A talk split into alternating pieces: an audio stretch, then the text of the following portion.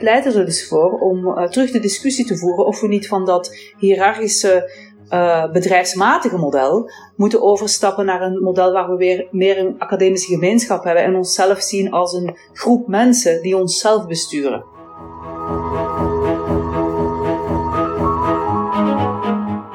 ja, we zijn eigenlijk een hele slechte imitatie van een bedrijf. Maar echt een hele partiële imitatie. Want op sommige momenten zijn we een bedrijf. En dan moet die, die bedrijfsmatige ideologie helemaal worden doorgevoerd. Maar het gaat alleen maar van boven naar beneden. Als ik die bedrijfsmatige ideologie mijn eigen maak en dat ook tegen zou gaan, zo mijn werk zou gaan doen. Namelijk, als je wil dat ik iets doe, wat niet in mijn taakomschrijving staat en buiten de 38 uur valt, dan zie ik daar graag, zoals het hoort in een bedrijf, een, uh, een vergoeding voor. Ja, het is snel afgelopen met me. In het boek hebben we gezegd van NWO en RC en andere onderzoeksfinancierders, die moeten nog steeds blijven voorbestaan, maar als een extra iets, niet als de voorwaarde om überhaupt zeg maar, door te kunnen gaan als wetenschapper. Hè. Eh, heel veel, heel veel van, die, van, die, van de financieringen kunnen worden afgeschaft. Eh, we willen in feite dat, dat, dat, dat de eerste geldstroom zorgt voor een continue financiering van het onderzoek. Maar als dat gegarandeerd is, dat je dus doorgaan met je onderzoek zonder continu eh, een beroep te hoeven doen op NWO, laat staan voor het binnenhalen van die, zoals ik al zei, die vaste aanstelling, dan is NWO alleen nog maar nodig voor als er nog wat extra onderzoek nodig is voor, voor een bepaald vakgebied. Dag allemaal, welkom bij de Stuk Rood Vlees podcast. Mijn naam is Armen Hakverdian, ik ben politicoloog aan de UvA. Volg ons via Twitter, het Rood Vlees. U kunt mij volgen via het Hakverdian of neem een kijkje op www.stukroodvlees.nl. U kunt zich abonneren op deze podcast via uw favoriete podcast app en laat dan ook meteen een rating of een review achter. We gaan praten over de slechte staat van de universiteiten in Nederland. Universiteiten worden catastrofaal ondergefinancierd, Wetenschappers en docenten bezwijken onder de werkdruk en de steeds toenemende bureaucratisering. Onderzoeksfinanciering is een loterij die enkele academische supersterren creëert en talloze veelbelovende aanvragen van wetenschappers bij het golf vuil zet. Er is sprake van een verstikkende hiërarchie waarin medewerkers nauwelijks gehoord of vertegenwoordigd voelen en nog veel meer. Dat alles betogen mijn gasten van vandaag: Rens Bot van de Universiteit van Amsterdam, Remco Breuker van de Universiteit Leiden en Ingrid Robijns van de Universiteit Utrecht. Deze drie hoogleraren hebben zich, tegen wil en dank, verenigd in de actiegroep WO in Actie om ten strijde te trekken tegen deze misstanden. Zij schreven samen het boek 40 stellingen over de wetenschap, waarin ze diagnoses stellen en oplossingen aandragen. Mocht u WO in Actie willen steunen, ga dan naar hun website en sluit u aan bij een van de actiegroepen aan uw eigen universiteit. Studenten zijn ook welkom, sterker nog, WO in Actie kan de steun van studenten goed gebruiken. Aanstaande maandag is er een gezamenlijk protest van WO in Actie samen met de Algemene Onderwijsbond en het FNV, de zogenaamde Tour of Academics. Dat zijn fietstochten tussen universiteitssteden. Dus uh, kijk op www.aob.nl om u aan te melden voor de fietstocht bij u in de buurt. Ten slotte een kleine disclaimer. Ik had mijn microfoon verkeerd ingesteld, waardoor ik de audio van Zoom heb moeten gebruiken uh, voor mijn eigen stem. Ik klink wat uh, holler en hoger dan u van mij gewend bent, maar het is even niet anders. Veel plezier met Rens Bot, Remco Breuker en Ingrid Robijns.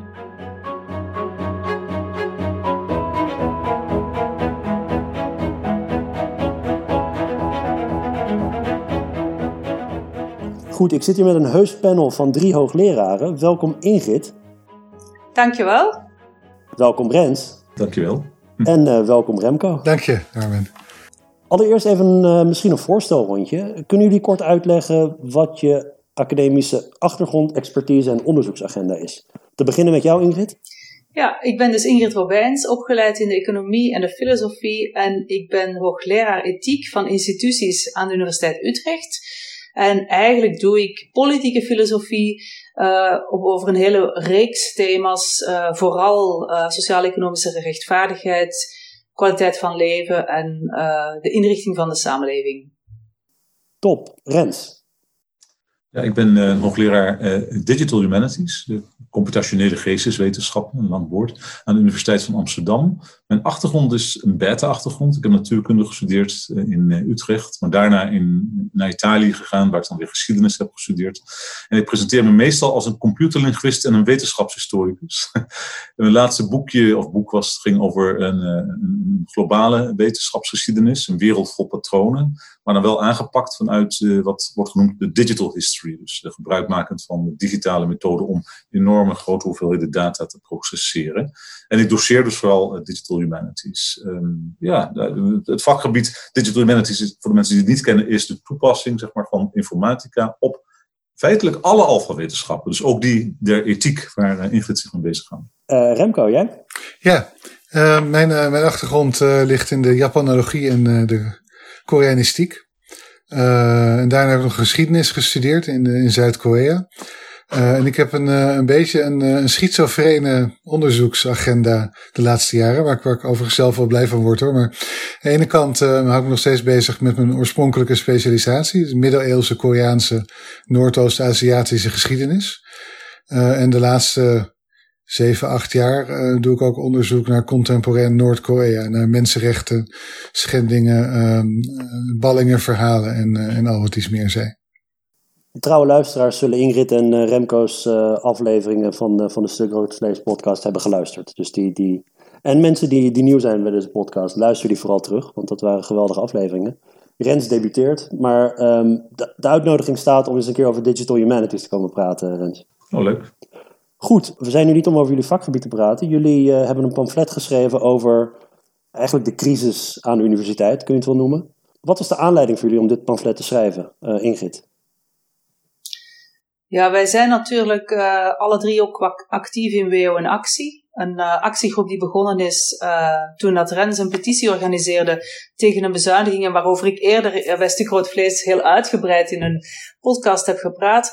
En ehm, we hebben dit wel op persoonlijke titel geschreven, omdat we dachten van anders gaat dit gewoon niet lukken, ook omdat we het over heel veel verschillende dingen willen hebben.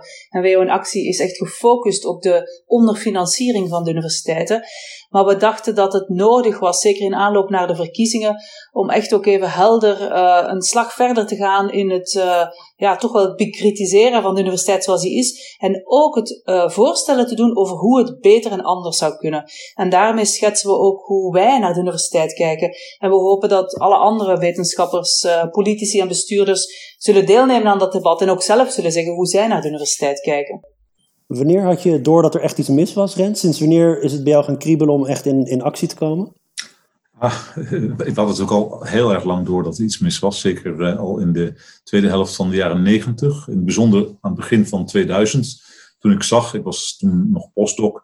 Ik zag dat, uh, dat, dat, dat, dat, dat mijn rechtstreekse collega's die al waren begonnen aan een, aan een docentschap dat ze uh, steeds meer, elk jaar steeds iets meer kwijt, uh, tijd kwijtraakten aan het doseren. En vooral aan het invullen van eindeloze formulieren, de bureaucratische kant van, van, het, van het werk. Um, maar wat bij mij echt de, de, de, de, druppel, zeg maar de druppel was die de MD overlopen, was inderdaad ongeveer zo'n beetje drie jaar geleden bij de presentatie van um, het, uh, de begroting, de onderwijsbegroting binnen de, uh, tijdens Prinsjesdag 2017. Toen ik zag dat er opnieuw een bezuiniging werd afgekondigd op het hoger onderwijs, in het bijzonder het wetenschappelijk onderwijs in het algemeen. Dat was toen de doelmatigheidskorting hè, van 184 miljoen, dacht ik dat het om ging. En, um, en, en, en toen dacht ik, dit kan echt niet. Laat ik starten met een petitie. Want er, was al zoveel bezuinigd en, en, en, de hoeveelheid onderzoekstijd die mensen nog überhaupt over hadden in hun uh, wetenschappelijke uh, baan was tot, tot zover teruggebracht, zelfs soms tot 0%, dat mensen gewoon hun hele tijd kwijt raakten aan, aan hun hele werktijd kwijt raakten aan onderwijs en vervolgens met al het onderzoek alleen in de avonduren nog deden. Dit is een hele lange zin. Dus, hè, dus het was zover teruggebracht dat ik dacht van nu moet iets gebeuren. En toen ehm, heb ik aanvankelijk inderdaad contact opgenomen met wat mensen van Rethink UvA, die is jullie wel bekend, neem ik aan. En die zeiden wat je moet doen, je moet beginnen met een, eh, met een petitie. En dat, dat hebben we toen opgesteld. En nou, dat was ook het moment dat het een beetje ging, ging, ging lopen en ging rollen. Heel veel mensen sloten zich toen aan en zeiden, ja, we moeten samen iets organiseren. En, maar zo'n drie jaar geleden, het, was natuurlijk, het speelde al veel langer. Maar toen dacht ik van, dit is gewoon niet acceptabel dat er weer een bezuiniging wordt uitgerold. Met, onder, onder, onder een mom van zogeheten doelmatigheid. Dus ik werd ook gek van, die, van, van dat, van dat nou, wat je eerder noemde, het jargon, het, het newspeak, zeg maar, van deze cynische overheid. Ik ben dus benieuwd of, het, of jullie met nostalgie terugkijken op de tijd toen je zelf begon of zelf promoveerde of, um, of, of postdoc was, beginnend wetenschapper. Was het nou vroeger beter? Of welke aspecten van vroeger waren beter? En, want het, ik heb dat zelf nu, ik zit nu denk ik tien jaar in de academische wereld. Ik ben in 2010 gepromoveerd. En um, ik merk wel dat de verleiding moet je weerstaan om te denken van ja, vroeger was alles beter. Want er waren dingen ook echt, volgens mij onderbezinnig slechter vroeger. Maar andere dingen wel weer beter. Hoe kijk je terug op het verleden, uh, Remco? Met, met, met nostalgie of een beetje dubbele gevoelens? Ja, um, moeilijk, vind ik moeilijk. Ik, ik ben zelf in 2006 gepromoveerd. Toen naar Australië gegaan en in 2000, wanneer ben ik teruggekomen? 9. 8, 9, ja. En in 10 ben ik hoogleraar geworden. Um, dus vanaf het moment dat ik hoogleraar was, denk ik, heb ik dit meegemaakt. Ook omdat ik in, ik zit natuurlijk in een beetje rare niche met Korea-studies. Uh, we zijn altijd onderbezet geweest. Dus ik weet niet hoe, ik vind het moeilijk om te zeggen hoe representatief dat is. Um, wij hebben altijd dit probleem wel gehad. En dat hebben kleine studies soms. Uh, wij hadden dat, we groeiden wel. Maar waar ik met nostalgie naar terugkijk, en ik weet niet of dat een goede term is, misschien is uh, jaloezie of afgunst een betere term, is naar de tijd die ik in Korea heb doorgebracht waar ik uh, harder heb gewerkt dan ik ooit in mijn leven heb gedaan, ooit nog hoop te doen. Maar tegelijkertijd zag je, ik, ik was gewoon eigenlijk ook, ook uh, wetenschappers. Ik, ik deed daar toen gewoon onderzoek als buitenlandse beursstudent. Um, zijn er voornamelijk tijd kwijt aan hun wetenschappelijke werk. Um, en dat betekent, die publiceren ook werkelijk, werkelijk veel. Um, dus daar, daar kijk ik wel, uh, daar kijk ik wel naar, met, met afgunst naar. Dat laat ook wel zien dat het dus, het kan dus wel anders. Ik hoort mij niet zeggen dat we helemaal het Zuid-Koreaans systeem moeten overnemen. Maar er is ruimte dus blijkbaar om onderzoek te doen in een uh, 21ste eeuwse moderne uh, kapitalistische maatschappij zoals wij die hebben. Ingrid, hoe is dat voor jou? Ik vind het inderdaad uh, lastig om eigenlijk uit je eigen persoonlijke ervaring te distilleren, omdat net wat Rens en Remke ook hebben meegemaakt, heb ik dus die uh, verschillende stappen van, van postdoc uh, naar, uh, ja, tot en met hoogleraar gemaakt over de tijd heen. En we zien ook uit de studies dat hoogleraren een groep zijn die eenmaal de hoogste werkdruk hebben. Dus het is lastig, denk ik, om wat je eigen, eigen ervaringen iets te zeggen over, over het systeem in het algemeen, of de, of de evolutie. En daarom vind ik het eigenlijk wel interessanter ook om mensen te praten die bijvoorbeeld al 15 of 20 jaar ook leraar zijn. En daar was laatst een decaan die ik uh, bij, een, bij een cursus uh, academisch leiderschap sprak. En die zei, dat is echt iemand die niet het uh, signatuur heeft van een, een rebel of een radicaal. En die zei tegen de groep, ik weet niet als ik nu nog jong was of ik opnieuw, in de wetenschap zou gaan. En ik denk dat soort signalen zijn, zijn heel uh, helder. En het andere punt is dat zelfs als het, uh, ik denk, we kunnen vergelijken met andere landen nu, we kunnen vergelijken met het verleden, maar ik denk dat we vooral moeten kijken naar de situatie nu en de vraag stellen, is deze situatie te rechtvaardigen? En daarvan is het, het antwoord in ons pamflet, maar ook door alle studies onderschreven, gewoon nee. Ja, misschien komen we daar straks nog op terug. Een van de stellingen is namelijk dat voor een deel wetenschappers dit aan zichzelf te wijten hebben. Ik ben bij dit soort um, uh, ja, situaties waarin je bijvoorbeeld een, te, te, maken hebt met een daadwerkelijke crisis, waar denk ik heel veel wetenschappers het eens zullen zijn met jullie over jullie diagnoses, maar hoe we terecht zijn gekomen in die situatie. Dus van, vandaar dat ik wilde toch een beetje naar het verleden komen, straks misschien op terug. Het boek bestaat uit stellingen, uh, eh, 40 stuks in totaal, meen ik. En ik dacht, laten we nou eens uh, heel ouderwets dicht bij de tekst blijven. Dus ik ga gewoon een aantal van die stellingen met jullie uh, uh, doornemen. En um, de eerste stelling dat, die ik had uitgekozen, stelling 4, dat is, meteen een, dat is meteen de kortste, maar ook wel echt een, een, een heel fundamentele. Die luidt, de universiteit is geen bedrijf. Daar komt een hele hoop samen. Wie wil daar als eerst, wie wil het spits afbijten? Ja, als niemand wil, dan wil ik wel hoor. maar het is precies omdat het, je hebt gelijk, het is een hele grote stelling. Um, maar ik denk dat het, uh, um, en eigenlijk is deze, een, zoals je gezegd, een hele belangrijke, want dit gaat ook over de hele publieke sector. Namelijk, wat we gezien hebben sinds eind van de jaren 70, is dat heel veel uh, onderdelen van de publieke sector, waaronder het wetenschappelijk onderwijs, maar ook de zorg, uh, de politie enzovoort, daar is een, een governance uh, model op toegepast. dat het eigenlijk haar inspiratie haalt uit het bedrijfsleven. En daarmee bedoel ik um, ervan uitgaande dat mensen in de, in de publieke sector um, niet intrinsiek gemotiveerd zijn, maar extrinsiek gemotiveerd zouden worden. Dus door prikkels, door targets, door competitie. Uh, en um, intern ook um, meer hiërarchie toelaten.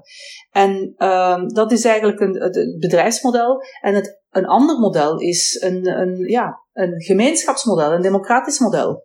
En wij pleiten er dus voor om uh, terug de discussie te voeren of we niet van dat hiërarchische uh, bedrijfsmatige model moeten overstappen naar een model waar we weer meer een academische gemeenschap hebben en onszelf zien als een groep mensen die onszelf besturen. Ja, wat, um, wat ik daar ook nog over zou willen zeggen, um, is dat het ook, de universiteit is geen bedrijf, maar um, we doen ook, de, de, ja, we zijn eigenlijk een hele slechte imitatie van een bedrijf, maar een, echt een hele partiële imitatie. Want op sommige momenten zijn we een bedrijf en dan moet die, bedrijfs, die bedrijfsmatige ideologie helemaal worden doorgevoerd. Maar het gaat alleen maar van boven naar beneden. Als ik die bedrijfsmatige ideologie mij eigen maak en dat ook dus inderdaad tegen zou gaan, zo mijn werk zou gaan doen. Namelijk, als je wil dat ik iets doe, wat niet in mijn taakomschrijving staat en buiten de 38 uur valt, dan zie ik daar graag, zoals het hoort in een bedrijf, een, uh, een vergoeding voor. Ja, en is snel afgelopen met me. Dus dat is, het is, een, het is ook nog eens een keer Um, een, een, eh, een, ja, een, zijn, ja ik, heb, ik heb er geen andere woorden voor. We zijn gewoon een slechte imitatie van een bedrijf, denk ik. En ook als... mm. Rent? Ja, wat heel belangrijk is, wat we volgens mij ook in die stelling uh, expliciet benoemen, is dat we de kennis uh, die aan een universiteit wordt gegenereerd, expliciet benoemen als deel uitmakend van de wereldwijde economie van giften. Hè? Dat, uh, ik neem aan de term is u wel bekend. En als we dat niet doen, hebben we gewoon dus echt, echt een, een plea, zeg maar, een, een, een voorstel om, um, om, om die he, open access ook volledig te maken. Namelijk in de zin dat je, dat je die kennis ook wil zien als gratis en toegankelijk voor iedereen. En als je dat niet doet, dat betekent in feite, dus als je een bedrijf daarvan zou maken, dat betekent in feite dat je enorme bedragen zou moeten vragen uh, conform de marktwaarde voor een lezing. En dat willen we expliciet niet.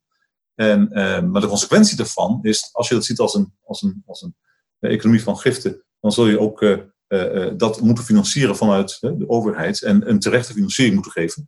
waarbij je ons, ons, ons, ons, onze economie van giften niet kunt zien als een bedrijf, maar als een andere vorm van organisatie. Um, maar goed, dat, dat, dat is belangrijk om dat expliciet te maken. Dat we, dat we die kennis zien als algemeen toegankelijk en, en gratis, die je wilt uitdelen. Zeg maar. Wat zou er mis mee zijn als de universiteit als een bedrijf zou worden gerund. Want er zijn talloze bedrijven die goed en efficiënt en strak worden gerund, waar um, tevreden mensen rondlopen, tevreden, tevreden werknemers. Ja. Uh, waarom niet als een bedrijf? Maar dan als een goed runnend bedrijf, Remco, niet als een slecht runnend bedrijf. Nou ja, ik, ik, ik denk dat het bedrijfsmatig inderdaad uh, mogelijk is om de universiteit te runnen als een goed lopend bedrijf, waarin ook inspraak is en waarin werknemers blij zijn. Maar ja, een bedrijf is natuurlijk een entiteit die iets verkoopt. Um, en dat is denk ik het probleem, want ik, ik vermoed dat onze producten, een opleiding, uh, bijvoorbeeld, een van de belangrijkste producten die we hebben voor studenten, dat dat wel eens onbetaalbaar kan worden voor het merendeel van uh, de mensen, van, de, van de, de studenten die nu onze, onze gangen en collegezalen bevolken. En dat is iets waar ik zelf, wat ik zelf problematisch vind. Um, ik denk dat een universiteit toegankelijk moet zijn voor iedereen die de talenten en de motivatie heeft om uh, een academische studie te doen. Onafhankelijk van of er geld beschikbaar is om die uh, opleiding te betalen. Als je het runt als een bedrijf, dan ontkom je er denk ik niet aan om dat toch uh, te doen voor diegenen die zich de kosten van jouw product kunnen veroorloven. Misschien een gekke vraag hoor, of, of een moeilijke vraag, maar hoe hoog zou het collegegeld moeten zijn om het rendabel te maken? Om een, om een idee te geven wat, wat dat zou doen met de toegankelijkheid van het hoger onderwijs? Weet, weet een van jullie dat? Ja, goede vraag. Er is zelfs onderzoek naar gedaan. Um, maar uh, geen enkel onderzoek geeft exact uitsluitsel. Er is een keer een, een fact-checker geweest bij NRC, die ook fouten maken natuurlijk. Maar daar is vastgesteld, alweer een jaar vijf, zes geleden, dat het gemiddelde collegegeld dan 15.000 euro zou zijn per jaar, gemiddeld. Met uitschieters voor geneeskundeopleidingen van minstens 30.000 euro per jaar. Zo duur zijn die opleidingen dan. En dat, dat is nog wel. We verwijzen ook naar eh, dat onderzoek, door, uitgevoerd door een paar NRC-journalisten in ons boekje. Um, maar van dat soort bedragen moet je dus uitgaan. Dat betekent dus in feite dat als wij een bedrijf zouden zijn, dan zouden we dus conform de marktwaarde, bijvoorbeeld aan een geneeskundestudent 30.000 euro of zelfs meer per jaar moeten vragen. Ja, en dat is conform de marktwaarde. Uh, nee, dat is conform onze kosten. Maar als je de marktwaarde gaat berekenen, ah, dan ga ik ook wel kijken naar wat zo'n opleiding je gaat opleveren. Dan kijk je naar de MBA-financiering, denk ik. En een MBA kost, ik weet niet wat kost een MBA per jaar. Een, eh, een goede, goede, uh, goede plek. Ik denk dat je zo 40, 50.000 euro kwijt bent per jaar. Daar kijk je dan tegenaan. Ja, je moet gewoon kijken naar hoe het nu in Amerika is. Dus, dus eigenlijk die, die, die cijfers die in NRC stonden, dat is inderdaad precies zoals Remco zegt, de kost zoals het nu is. Gewoon letterlijk de kost zonder winst. Maar als je er natuurlijk een bedrijf van maakt, dan kan die winst maken zoveel die wilt. Dus het hele samenwerkende en best uh, egalitaire uh, universiteitssysteem dat we nu hebben, uh, dat zal echt volledig ook intern heel competitief worden. En waarbij je bedrijven krijgt, die, bedrijven, ja, dus universiteiten als bedrijven die zich gaan profileren. En dan gaan die gewoon de winst maximaliserende inschrijvingsgelden vragen. Maar wat nog een ander punt is, Remco heeft het over onderwijs en diploma's als product, maar we hebben natuurlijk ook onderzoek. En daar zouden eigenlijk alleen de mensen die onderzoek kunnen betalen, dus wat je nu krijgt bij consultancybureaus, die zouden nog onderzoek krijgen. Dus uh, de Noord-Koreaanse ballingen, die kunnen dan uh, fluiten naar het onderzoek dat gedaan wordt over mensenrechten schendingen. Enzovoort, enzovoort. Dus dat zou echt het hele idee van het soort onderzoek dat wij doen helemaal kunnen veranderen. En hoe uitzicht die bedrijfsmatigheid op de universiteit? Kunnen jullie een aantal voorbeelden noemen? Misschien het in, in je eigen ogen het, het, het meest prangende voorbeeld van dit is hoe de universiteit gerund wordt als bedrijf. Weliswaar een uh, aftreksel van een bedrijf, maar, maar, maar, maar hoe uitzicht dat, dat, dat bedrijfsmatige? Uh, Rens, om bij jou te beginnen. Nou, wij stellen juist dat in die stelling zeggen we in de eerste plaats dat de universiteit geen bedrijf is, maar hij wordt ook niet echt, of zij wordt ook niet echt als een bedrijf gerund. Want als we dat wel zouden doen, dan zouden we dus inderdaad voor lezingen zeg maar duizenden euro's moeten vragen en voor studies uh, tientallen duizenden euro's. Uh, en dus de, maar aan een ander opzicht kan je zeggen, inderdaad, er zijn sommige aspecten van het universitaire nou ja, bedrijf of universitaire organisatie die eruit zien als, een, als ware het een bedrijf. Namelijk de marketingafdeling, die steeds meer nou ja, geprofessionaliseerd is geraakt. Dat mensen zelfs zeg maar, uh, van de VU gaan marketen vlak voor de Universiteit van Leiden om daar nog wat studenten eh, af te pikken. Het waren lekkere kroketten trouwens. Met kroketten. dat zijn de bizarre situaties. Dat je denkt, we zitten elkaar dus, dus kapot te concurreren om het aantal studenten binnen te halen. Want men probeert wel degelijk niet zozeer de winst te maximaliseren, maar de hoeveelheid geld die men kan binnenhalen wel te maximaliseren. En in Nederland is die afhankelijk van zeg maar, het aantal studenten dat afstudeert. Het is een complexe rekensom, het aantal promoties, het aantal studenten dat instroomt, maar vooral toch het aantal diploma's dat je aflevert. Dat is echt de grootste hap. En dan zie je dat universiteiten wat dat betreft toch uh, uh, heel erg denken aan hun eigen marketing en hun eigen branding. Van ja, ja, we moeten zo'n groot stuk mogelijk deel van de taart binnenhalen, want de totale lumpsum blijft gelijk, of die neemt zelfs wat af jaarlijks. Maar eh, eh, hoe, groter, hoe groter stuk wij kunnen binnenhalen, daar daarmee krijgen we dus ook een hoger inkomen. En dan zie je toch weer dat op het allerhoogste niveau de universiteit weer denkt als ware het een bedrijf. Klopt.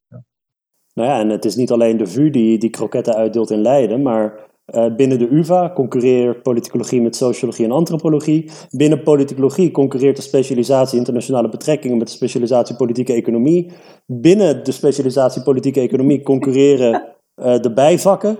Uh, die, die gegeven mag worden. Want als, als, er niet genoeg studenten inschrijven voor je bijvak, dan wordt die geschrapt. Dus je hebt letterlijk markten waar mensen hun vakken verkopen. Maar dus in de is... huidige context is het niks anders dan een uh, neer, neerwaartse spiraal. Dat, uh, dat, uh, want er is niet meer geld als, als er meer studenten komen. Dezelfde hoeveelheid geld moet alleen worden verdeeld. Snap je? Ja. Remco, jij nog ehm, excessen wat dit betreft? Ja, nee, nog wel genoeg. Um, dingen als, als ik een zaal wil huren buiten, buiten een collegereeks, zo moet ik daarvoor betalen. Ja, kan je zeggen, dat is een makkelijke manier om bij te houden wie wat doet, dat het een beetje gelijk gedeeld, verdeeld wordt. Maar ik heb het geld niet. Ik heb geen budget. Ik heb 1500 euro voor een hele opleiding.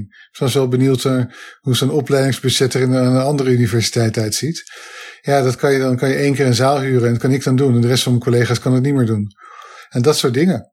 Alles wordt doorberekend, maar het gaat maar één kant uit de doorberekening. Dus het is inderdaad een hele gemankeerde vorm van bedrijfsvoering wat dat betreft. En iets wat we, dat, dat hebben we denk ik ook al een beetje genoemd, maar uh, de notie dat een universiteit geld kost. Um, terwijl er niet goed wordt doorgerekend wat de universiteit oplevert aan onderzoek, aan patenten, aan hooggeschoolde um, studenten, um, alumni die, uh, die de, de, de, maatschappij ingaan. Dat is een, uh, ja, is dat een goed voorbeeld van bedrijfsvoering? Dat weet ik niet. Ik weet niet of ik nou een goed antwoord geef op je vraag, Armen. Dan gaan we snel door naar Ingrid. Ja, ik denk iets wat we nog niet genoemd hebben, maar wat wel, waar ik ook wel denk dat Rens en Remco het ook over eens zijn, is toch wel de, de grote nadruk die de bestuurders op de universiteit leggen aan het, uh, hun reputatie. En dat is typisch iets waar bedrijven natuurlijk ook echt gewoon heel veel aandacht aan besteden. Aan de branding, aan het merk, aan de reputatie. En daar zie je soms ook wel dat uh, universiteiten uh, soms meer lijken te geven om hun reputatie dan om uh, ja, het debat en de zoektocht naar de waarheid. Ik heb al uh, van verschillende uh, collega's, zowel hier in Utrecht als in Leiden, de reactie gekregen op het artikel, het interview met Remco in de Volkskrant. Daar had de Universiteit Leiden een reactie op gegeven. En mensen zeggen van, wat is dit voor een non-reactie? Ja, dat komt omdat uh, ze, ze, vermoed ik, omdat ze gewoon niet, ze willen gewoon, ze, ze zijn gewoon bang voor reputatieschade. Over alles. De universiteiten zijn echt, dat is waar het om gaat. Want ja, door een reputatie trek je weer studenten aan, enzovoort, enzovoort. En wat, wat ik denk dat ook uh, waarschijnlijk echt wel een bron van frictie zal zijn tussen uh, de mensen die ons uh, pamflet onderschrijven en, en de bestuurders, is um, dat zij heel graag ook in een hele positieve sfeer willen vertellen over hoe fantastisch de universiteiten zijn en hoeveel goede dingen er gebeuren en zo. Ja, dat klopt. En wetenschap is fantastisch. Maar dit is ook een kant van de waarheid. En dit is een kant die je eigenlijk liever niet, dat is een soort van de vuile was buiten hangen. Maar ik denk dat als je lid bent van een, van een, een gemeenschap, dan ga je dit soort gesprek aan. Als je lid bent van een bedrijf, dan doe je dat niet. En daar zit het verschil. Ik uh, ga er ook eentje aan toevoegen dan, nu we toch een rondje maken met. Uh, uh, ik, ehm, ik kan al die, die, die gemankeerde kwantitatieve criteria die we gebruiken om onszelf te meten. En die gebruikt worden om je prestatie te meten en of je ergens geld voor krijgt of niet, en of je promotie krijgt of niet, of een afdeling als geheel het goed doet of niet, of een universiteit het goed doet of niet. Allemaal uitmondend in die lijstjes van universiteiten die worden gepro ik, uh, ik ben in mijn dagelijks onderzoek zelf best wel veel bezig met statistische analyses van de politiek. We zullen nooit in ons eigen werk gebruik maken van de methodologie die we gebruiken om onszelf te uh, evalueren. Iedereen zou zeggen, als je, die, als je die evaluatiemethodes die wij gebruiken om onszelf te evalueren, bij een eerstejaars statistiekcollege aan studenten voorlegt, dan schieten ze er allerlei gaten in. En dat is hoe we, wat wij gebruiken, omdat we op de een of andere manier toch gemonitord moeten worden door, um, ja, door wie? Door de overheid, denk ik. En ik, ik word daar helemaal gek van. Goed, volgende stelling. De werkdruk op de universiteit is fnuikend. Stelling nummer 9. En als ik daaraan mag toevoegen ook, uh, de stelling die daarna komt, is dat de opleiding van studenten onmogelijk is zonder structureel overwerk van wetenschappers. Dat zit er een beetje um, aan vast. Uh, Rens, hoe uitzicht die, die werkdruk? Waar bestaat die werkdruk uit? Het bestaat vooral, het, weet je, het, hangt een beetje van de faculteit af. Dat is een interessante vraag die je nu stelt. En men ziet ons wel eens als drie mensen uit de alfa-wetenschappen. Ik ben zelf aangesteld bij twee faculteiten, uh, zowel bij de FNWI, de beta's als de alfa's. Maar er is een, wel een verschil hoor. Bij de alfa-wetenschappen uit die werkdruk zich in steeds meer onderwijs geven. Steeds meer minder normuren krijgen, zo heet dat aan de UvA, hè, de normuren voor hetzelfde onderwijs. En dat betekent dus dat je meer onderwijs moet geven eh, in de loop der jaren. En daar is gewoon niet voldoende tijd voor. Dus men, eh, dat gaat dan ten koste van het onderzoek. Bij de alfawetenschappen speelt onderzoek ook degelijk, wel degelijk een hele grote rol. Maar heel veel alfawetenschappers, zeker niet allen, maar die doen vaak hun onderzoek in hun eentje of hooguit met een paar AIO's. Kijk ik daarentegen bij de beta-wetenschappers, dan zie ik vooral, en zeker ook een paar hele actieve leden bij de beta-wetenschappers, zoals Paula uh, Giorgi, die hoogleraar scheikunde is aan de VU, die moet eigenlijk continu een onderzoeksgroep van zo'n 12 mensen in stand houden. Maar dat zijn allemaal tijdelijke medewerkers. En zij is gewoon 40%, twee volle dagen per week kwijt met het eindeloos schrijven van projectvoorstellen, waarvan er maar één op de tien of één op de vijf hooguit worden toegekend. Want anders stort binnen drie jaar die hele onderzoeksgroep in. En dan is al dat werk voor niks geweest. Hè. Er vinden ook experimenten plaats, computationele experimenten, chemische experimenten. Dus uh, ze zitten continu met die stress van wat jammer dat ons onderzoek, of wat verschrikkelijk dat ons onderzoek niet gewoon een stabiele financiering krijgt. Dan, dan ben ik niet al die tijd kwijt om samen hè, met andere onderzoekers te concurreren weer om datzelfde hoeveelheid onderzoeksgeld. Dan hebben we het vooral over MWO en ERC, wat ook steeds meer onder druk staat, vooral die laatste. Nou ja, eh, dit uitzicht dus zowel in het geven van te veel onderwijs als te veel onderzoek. De, het fnuikende, wat ze zegt, de, de, de, werkdruk is fnuikend. Daarbij komt ook nog dat we ook een verplichting hebben, uh, uh, en dat doen we ook expliciet in ons boek, op het terrein van dienstverlening, outreach. En um, nou ja, dat, uh, dat, dat, dat, dat, dat raakt ook steeds meer onder druk. Dan moeten we ook nog niet vergeten, en dat is een grote klacht die ik steeds vaker hoor en waar ik zelf ook onder leid, is dat we daarnaast ook nog heel veel, om even in termen van David Graeber te spreken, heel veel bullshit jobs hebben. Het klinkt een beetje on, dat oneerbiedig, maar zo, dat is een technische term.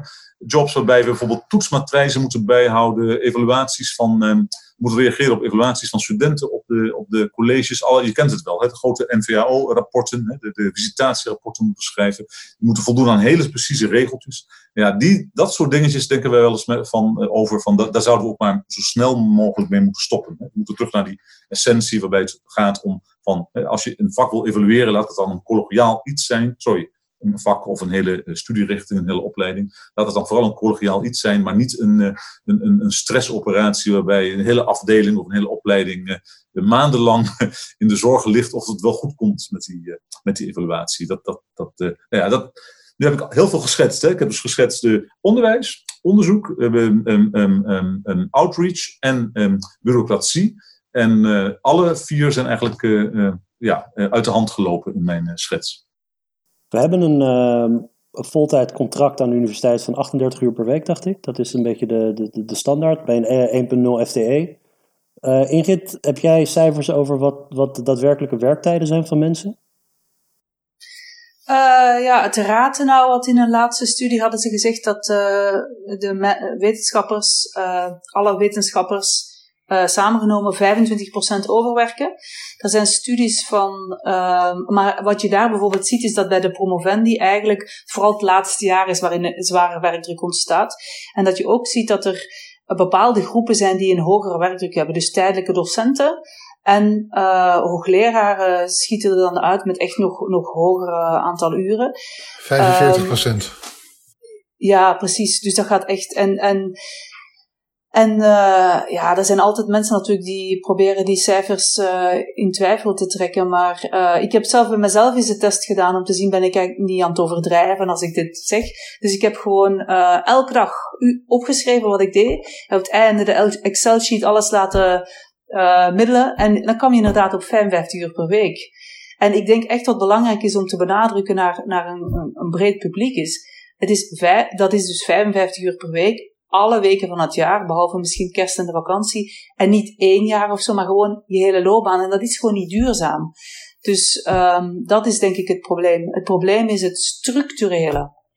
Dit zijn ook verhalen die je hoort in andere sectoren in de uh, publieke sector. De, in de zorg ook andere vormen van, van onderwijs. Dit hoor je ook in het, uh, bij primair onderwijs, bij, bij, bij, bij middelbaar onderwijs. Dat er een bureaucratisering heeft plaatsgevonden. Nu um, heeft die plaatsgevonden om een reden, denk ik. De reden dat er dingen zijn als toetsenmatrijzen is omdat toen ik bijvoorbeeld studeerde, het een free-for-all was van, ja goed, eh, als er in de, de modulehandleiding die wij hadden voor vakken was, was misschien een half kantje. Er stond een boek op en wat er getoetst werd, wist je niet. Um, en op een gegeven moment dat voor twintig verschillende vakken. Ik heb een geweldige uh, uh, BA gedaan in Leiden hoor. Dus uh, ik, ik hou van al mijn docenten en het heeft me veel gebracht. Dus het is geen kritiek op, op, op de opleiding politicologie in Leiden. Het, is een, het was een geweldige tijd. Maar als we, even, als we eerlijk zijn, kon, konden ze wel een klein beetje standaardisering gebruiken. Maar goed, dat schiet dan weer meteen door. Maar het is heel lastig om te bepalen waar die balans dan moet liggen. Je wilt tegelijkertijd toch autonomie geven aan docenten om hun ding te doen. Tegelijkertijd, te veel autonomie en te veel macht bij een docent kan ook leiden tot een soort ja, tot, tot, tot, tot misbruik van, van, van, uh, van de situatie. Of, ja. of, zie ik dat verkeerd, Remco? Nou, ik weet niet of je het verkeerd ziet. Dat kan inderdaad. Maar wat zijn de kansen?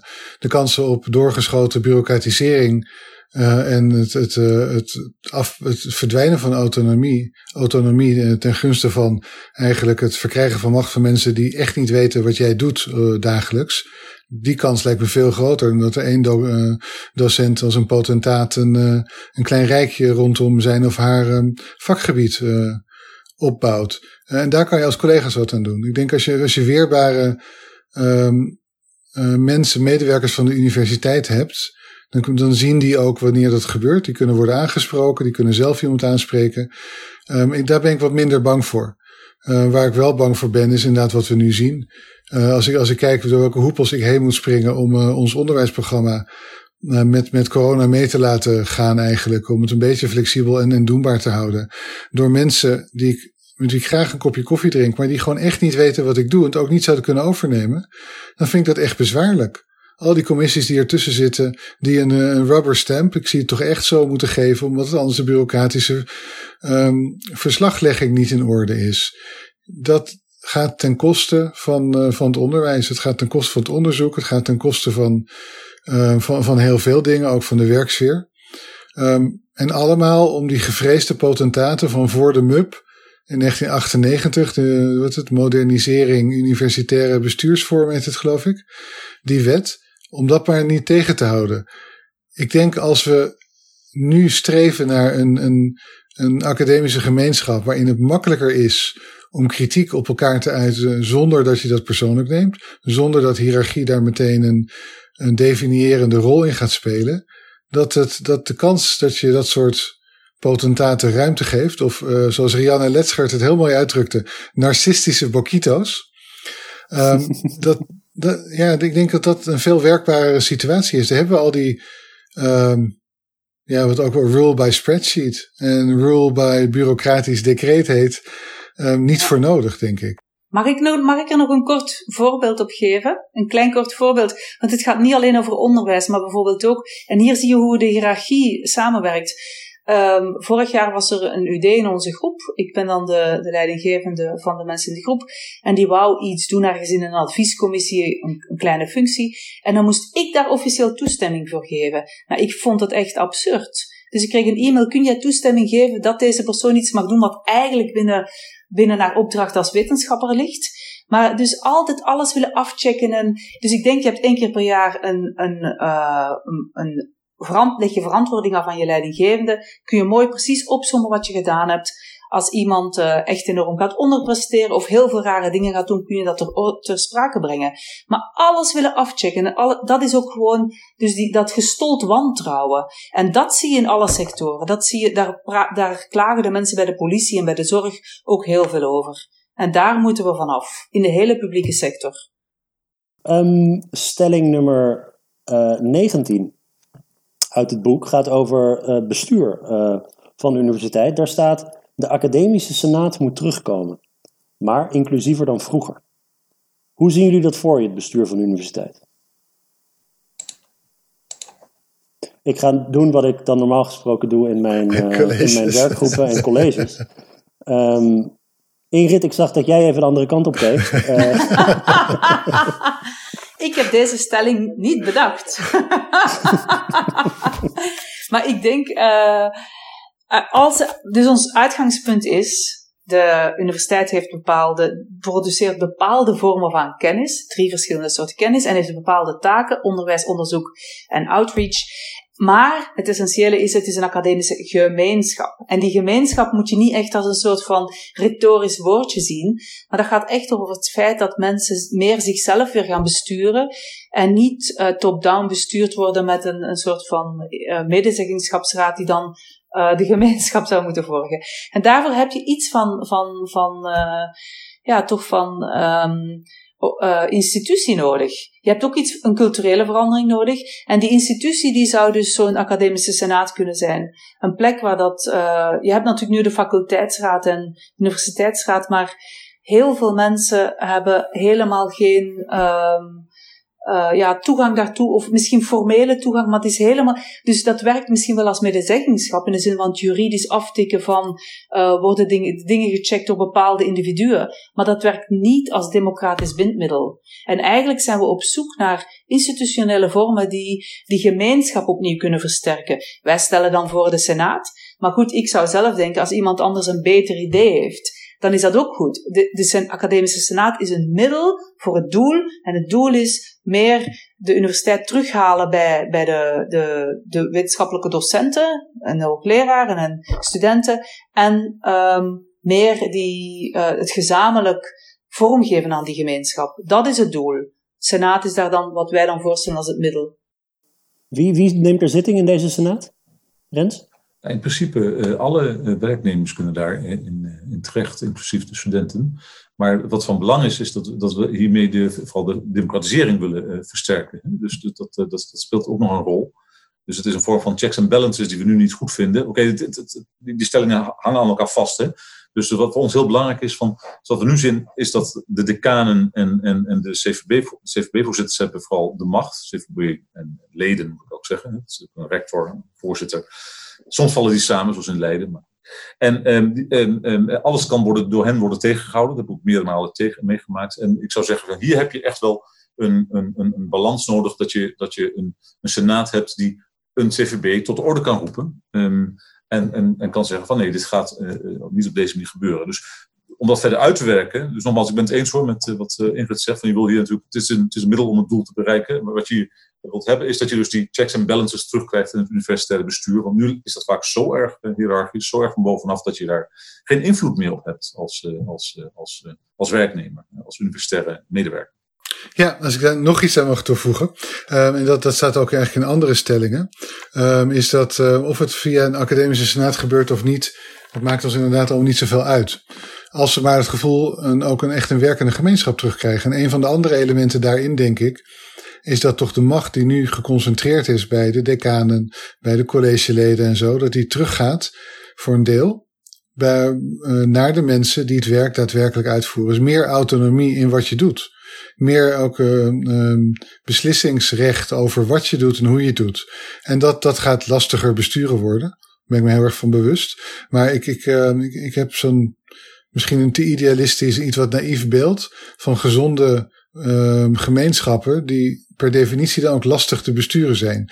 Hoe makkelijker te besturen, denk ik, hoe ongezonder de gemeenschap. En misschien, misschien ja, we zitten niet heel wetenschappelijk gedacht, maar het is, het is wel, uh, uh, het houdt me wel bij de les. Ik denk, we worden te top-down bestuurd. De, de beslissingen worden bij, door te weinig mensen gemaakt en getoetst bij te weinig andere mensen, inclusief de medezeggenschap. En ik zou graag zien dat dat breder, um, dat die macht dus eigenlijk wordt ge, um, gedehierarchiseerd. Ik heb geen idee of dat echt een woord is. Maar bij deze is het een woord. Bij deze is het een woord. Ja. Nee, maar dat, dat inderdaad. Um, en dat geldt niet alleen voor de wetenschappers en de docent die een college geeft. Dat geldt wat mij betreft ook voor de portier die ervoor zorgt dat wij die colleges kunnen geven. Dus het is een, uh, dit geldt ook echt uitdrukkelijk voor het OBP. Uh, voor de studiecoördinatoren. Die, uh, die moeten zorgen dat onze studenten op tijd overal komen. In een goede geestelijke toestand daar aan het onderwijs en zo kunnen deelnemen. We, hebben, we zijn allemaal, of bijna allemaal, ik ga voor het gemak even zeggen allemaal, zeer gemotiveerd. Hoog opgeleid voor wat we moeten doen. Geef ons dan ook het vertrouwen om dat goed te doen. Als het fout gaat, grijp je achteraf in. Niet van tevoren alles dichttimmeren.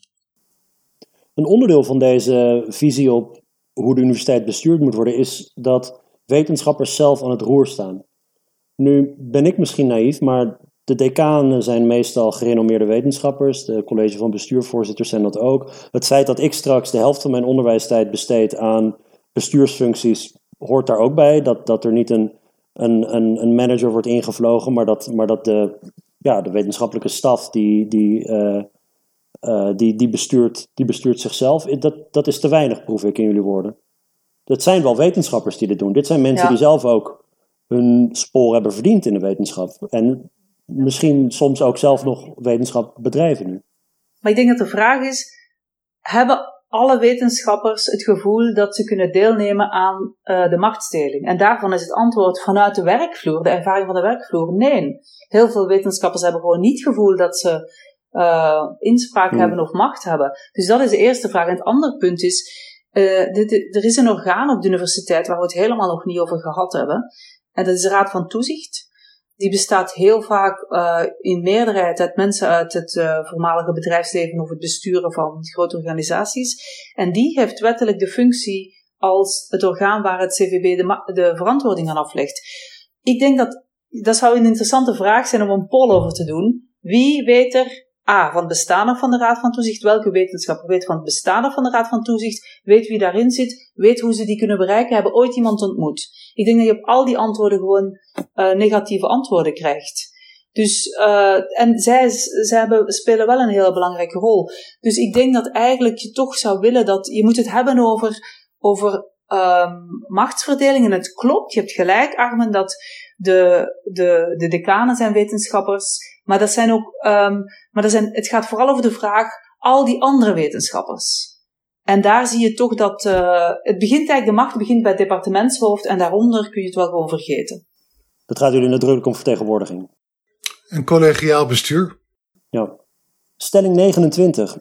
NWO en de IRC moeten grondig hervormd worden. Dit gaat over onderzoeksfinanciering. NWO en IRC zijn twee uh, grote instanties die onderzoeksbeurzen verdelen op basis van zware competitie onder wetenschappers.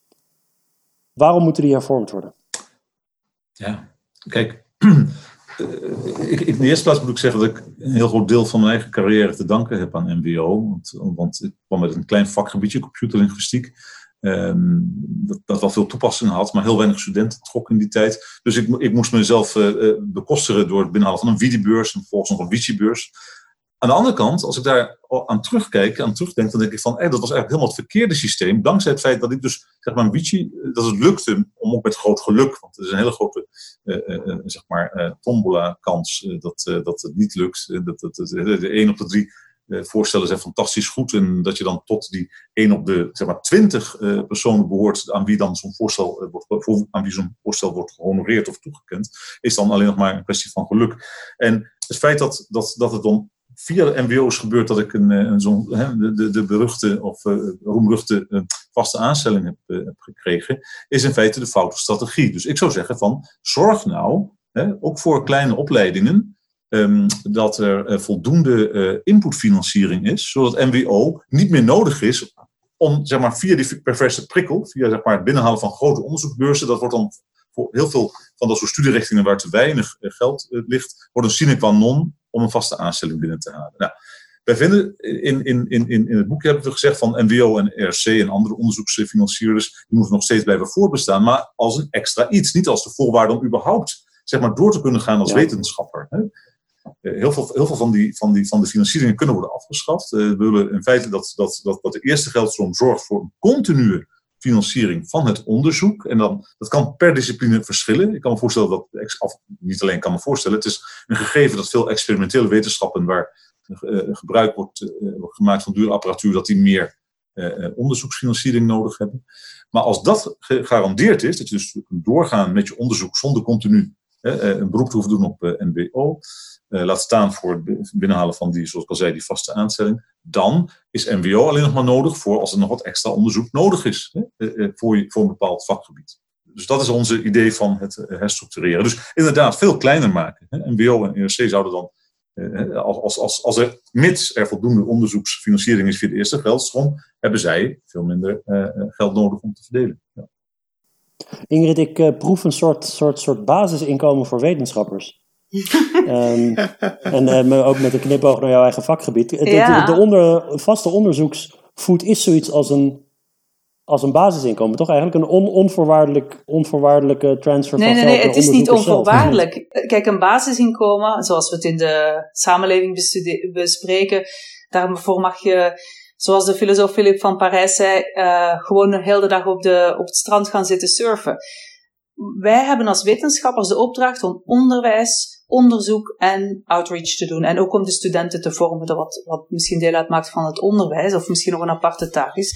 Maar dat onderzoek, Uh, daarvoor moeten we gewoon een bepaalde hoeveelheid tijd in ons uh, contract krijgen. En dat vergt uh, geld om ons salaris te betalen.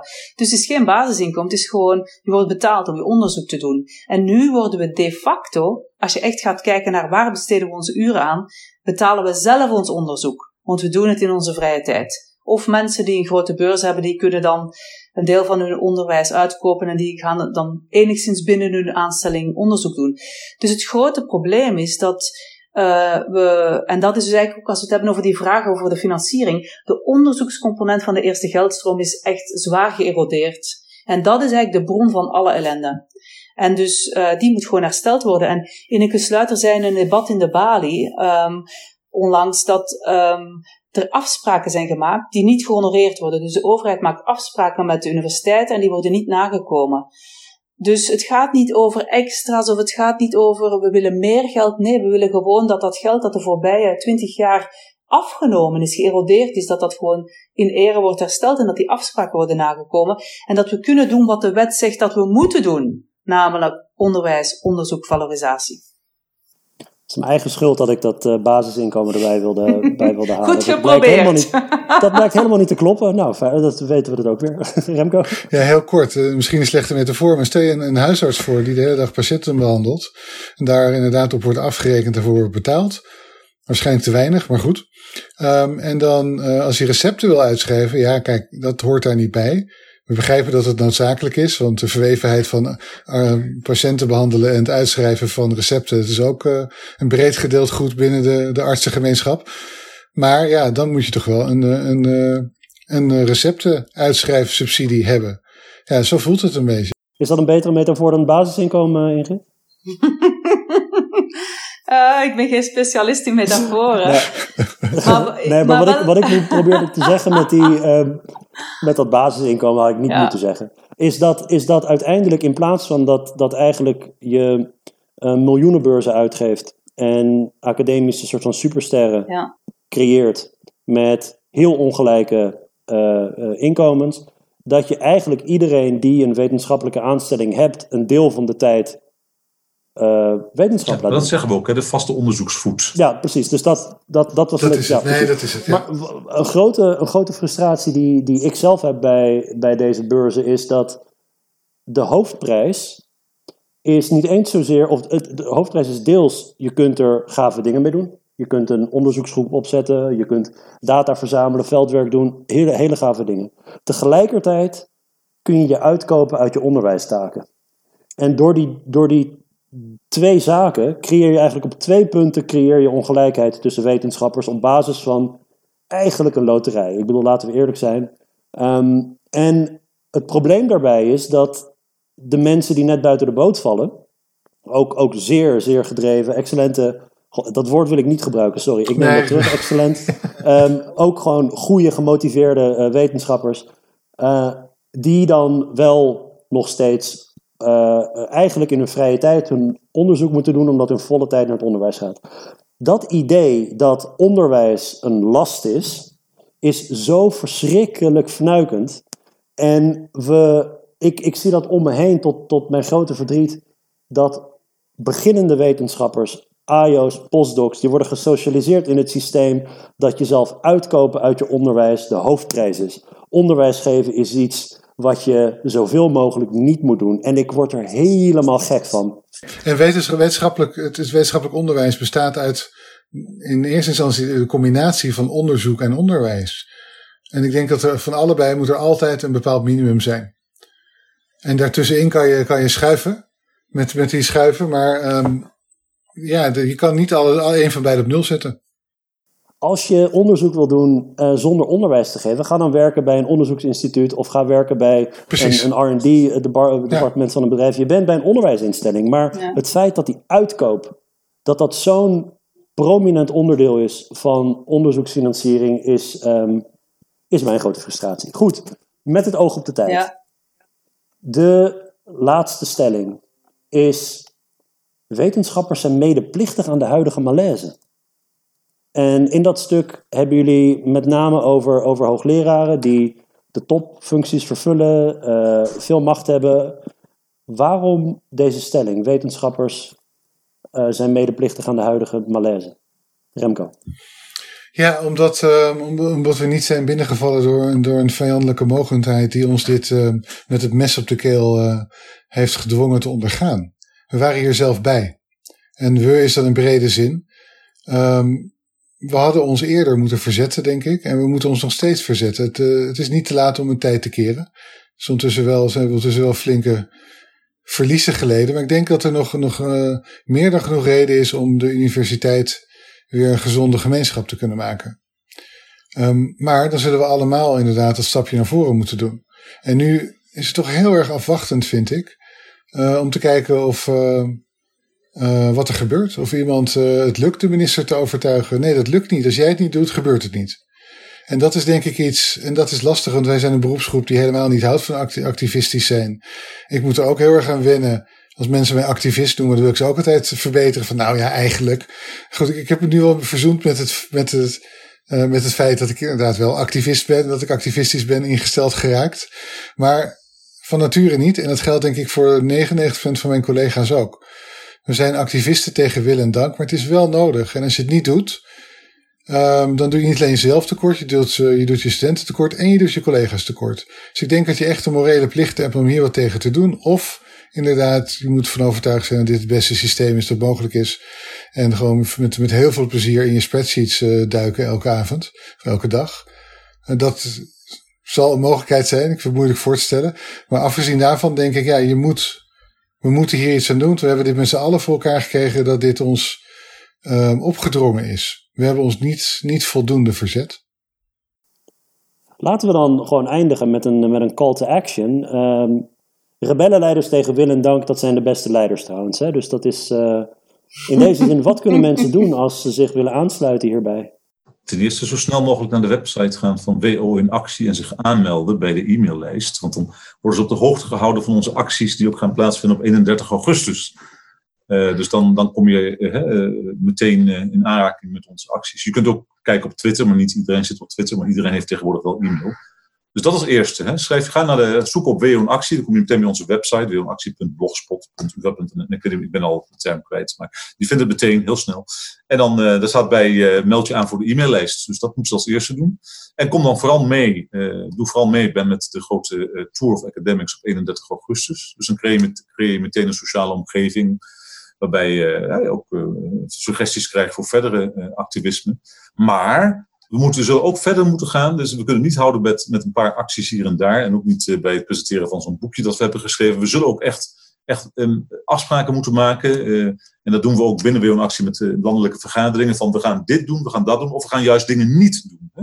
Dus een van die stellingen, die laatste stelling die je net noemde, vond ik wel leuk. Daar, daar, wordt ook gezegd dat ook de hoogleraren vooral, maar niet alleen de hoogleraren, net zo goed deze UD's, mede verantwoordelijk waren voor de huidige malaise. Omdat we dingen over ons heen hebben laten gaan en ons niet voldoende hebben, zeg maar, het verzet tegen die steeds verdere opdringing van bureaucratische regels. Dus ja, dat, dat zullen we met ons allen moeten doen. Ja, ik denk dat er nog een belangrijk ander punt is. En dat is um, waarom zijn er zo weinig wetenschappers lid van de vakbond? De vakbond is eigenlijk de organisatie die bestaat om onze rechten te verdedigen. Op dit moment um, komt de vakbond niet veel verder dan de, de standaard uh, taken die ze heeft, namelijk CAO-onderhandelingen en het oplossen, het bemiddelen in arbeidsconflicten. Als er veel meer uh, wetenschappers lid zouden zijn van de vakbond, zouden ze zich ook over die structurele vragen kunnen buigen. Dit is een professionele organisatie, daar zijn mensen die hebben daar tijd voor. Uh, de mensen binnen WO in Actie doen dat allemaal ten koste van hun vrije tijd of hun welke andere tijd dan ook. Dus, uh, en daar ben ik soms verbaasd om te zien hoe dat wetenschappers zich niet realiseren waarom het belangrijk is om lid te zijn van de vakbond. Als je geen lid bent van de vakbond, ben je eigenlijk een vrijbuiter op de mensen die wel lid zijn van de vakbond, die zorgen dat er je rechten verdedigd worden. En ik ben zelf helemaal geen vakbonds afgevaardigd of wat dan ook, maar het is toch opvallend. Ik hoor je niet meer. Nee, ik ook niet. Ik ook niet. Ingrid is, Ingrid is bevroren. Deze vakbondspropaganda, die, die, die pikt Zoom niet. nee, ik, dat is wel ben het ja. mee eens. Mag, mag ik daar nog één ding aan, voor, aan, aan toevoegen? Want wat, wat uh, Ingrid zei over lid worden van een vakbond en op die manier inderdaad nog een keer kijken naar wat, wat wij doen. Of wat Rens inderdaad uh, zei over het, het, actief worden bij WO in actie of een soort, iets soortgelijks en dan kijken als activist. Maar dat is eigenlijk, um, er is nog, nog één uh, element denk ik, uh, waardoor wetenschappers medeplichtig zijn omdat ze het te vaak nalaten. Wiens handtekeningen staan er rond al die uh, aanstellingen, tijdelijke aanstellingen? Um, wie, uh, dat, dat zijn toch echt onze handtekeningen als leidinggevende als je in zo'n positie zit. Daar moet, je, daar moet je toch echt ook je collega's en ook zeker de mensen boven je op moeten aanspreken. Um, en soms heb je geen keuze, want dan is het inderdaad, nou als jij die handtekening niet zet, dan zet ik hem wel prima. Ja, dat kan dan gebeuren. Maar ik denk als we dat niet consistent duidelijk blijven maken, dit is niet de bedoeling, hier willen we niet aan meewerken, verandert er nooit iets. Als je al die drie elementen bij elkaar gooit, denk ik dat, dat, dat er echt wel kans is op verandering. Ook al uh, zelfs nog zonder geld van OCMW. En uh, tegelijkertijd, uh, zeg maar buiten de, eigenlijk onze collega's om, want, want lid worden van WO in actie en, en, en vakbond en, en eigenlijk een beetje je eigen gedrag veranderen. als we het hebben over bredere groepen, ik bedoel studenten om maar één te noemen, dat, daar zal ook animo zijn om misschien iets te doen. Want die zien ook liever goed uitgeruste, goed gefinancierde docenten dan um, docenten die omkomen in de, in de werkdruk. Dus, dus wat, hoe zien jullie de rol van studenten hierin? Gezamenlijk optrekken. De rol van studenten is uh, ook dankzij uh, een oproep van, uh, van Remco in de Volkskrant een paar dagen geleden enorm toegenomen. Zeker in Utrecht. Maar ik, ik heb ook gehoord dat ja. studenten ook in Amsterdam, Groningen en wellicht ook in Leiden zich nu gaan roeren. Maar van Utrecht heb je misschien gehoord dat uh, 10.000, er 10.000 uh, rode uh, vierkantjes zullen worden uitgestippeld tussen de binnenstad en de Uithof. Dat heet tegenwoordig Utrecht Science Park, sorry. Um, maar die, die doen nu hard mee. die hebben ook meegelopen heel veel in, in, in, de, op, in de manifestatie in 2018 overigens hoor, in december 2018. Ja. Maar op een gegeven moment nam, nam de animo weer af bij hen. Hadden ze ook andere problemen, hè, denk aan de studiefinanciering en dergelijke. Maar we moeten zeker hierbij gezamenlijk optrekken. Het is ook een van onze stellingen trouwens in het boekje. Ja, nee, ik denk uh, studenten en docenten, wetenschappers hebben andere functies, maar dezelfde belangen. Wij hebben belang en wij hebben baat bij studenten die goed in hun vel zitten, zich kunnen concentreren op wat ze doen, er lol in hebben, uh, hoe moeilijk het ook is, um, en, en er echt wat uithalen. En zij hebben inderdaad baat bij docenten die daar met, met plezier en passie en niet helemaal uh, afgemat en uitgeput en zich uitgebuit voelend voor de collegezaal staan. Dus ja, we, wij steunen hen, zij steunen ons. Is, is denk ik uh, is een hele mooie symbiotische relatie, student en docent. Laten we daar gebruik van maken. En omdat dit toch een politicologische podcast is, zien jullie nog een rol weggelegd voor partijpolitiek en de bredere groep burgers in de stembus?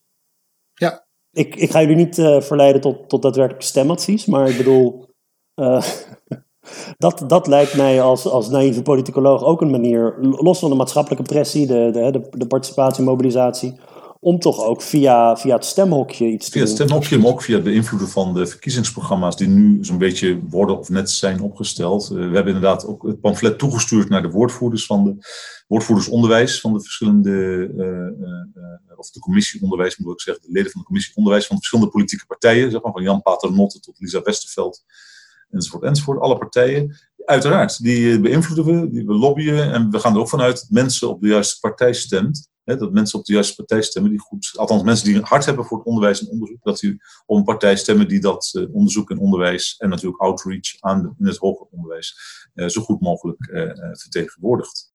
Ja. Ik zeg verder niet ja. wat voor partij dat moet zijn, maar dat laat ik aan de mensen. Goed, ik wil jullie van harte bedanken voor je tijd en uitleg. Dank je, graag gedaan. Uh, Ingrid trouwens ook. Ingrid is weggevallen via... Ja, ik kreeg uh, een appje. De, de Zoom hield ermee op omdat uh, het een uur was geweest. Dat gebeurt de Zoom hield ermee op. Ja. en bedankt voor jullie harde werk. Voor het op de kaart zetten van, van, van WO in actie en, het, en de kaart trekken. Want dit moet allemaal inderdaad nog bovenop alle overuren die jullie maken. Is, ik hoop dat mensen luisteren naar jullie oproep en zich aansluiten. en op, via de kanalen die jullie aangaven proberen om de universiteit um, tot wasdom te laten komen. Want ik, ik denk dat we het alle drie eens zijn, en alle vier ook, denk Ingrid ook. Het is natuurlijk een geweldige baan in essentie. Ja. Een, een voorrecht om te mogen onderzoeken wat je doet, om met jonge mensen te kunnen omgaan en te onderwijzen. Eh, en, en dat we die in glorie mogen herstellen. Ik word een beetje, ik word een beetje baldadig omdat, omdat Remco een, een virtuele achtergrond heeft van... Um, wat is dit Remco precies? Het is een aanstormend Mongols leger. Ja. Genghis Khan of de Kublai Khan? Ja, nee, het is uh, Genghis Khan inderdaad. Tenminste, een van zijn... Ja, nee. ja ik, ik, word daar, uh, ik, ik, ik ga meteen op paard rijden. ik, we, gaan, uh, we gaan het is waard. Ik ga met je mee, lijkt me ook heel gaaf. Heel erg bedankt. En u bedankt, voor het, u bedankt voor het luisteren. Tot de volgende keer.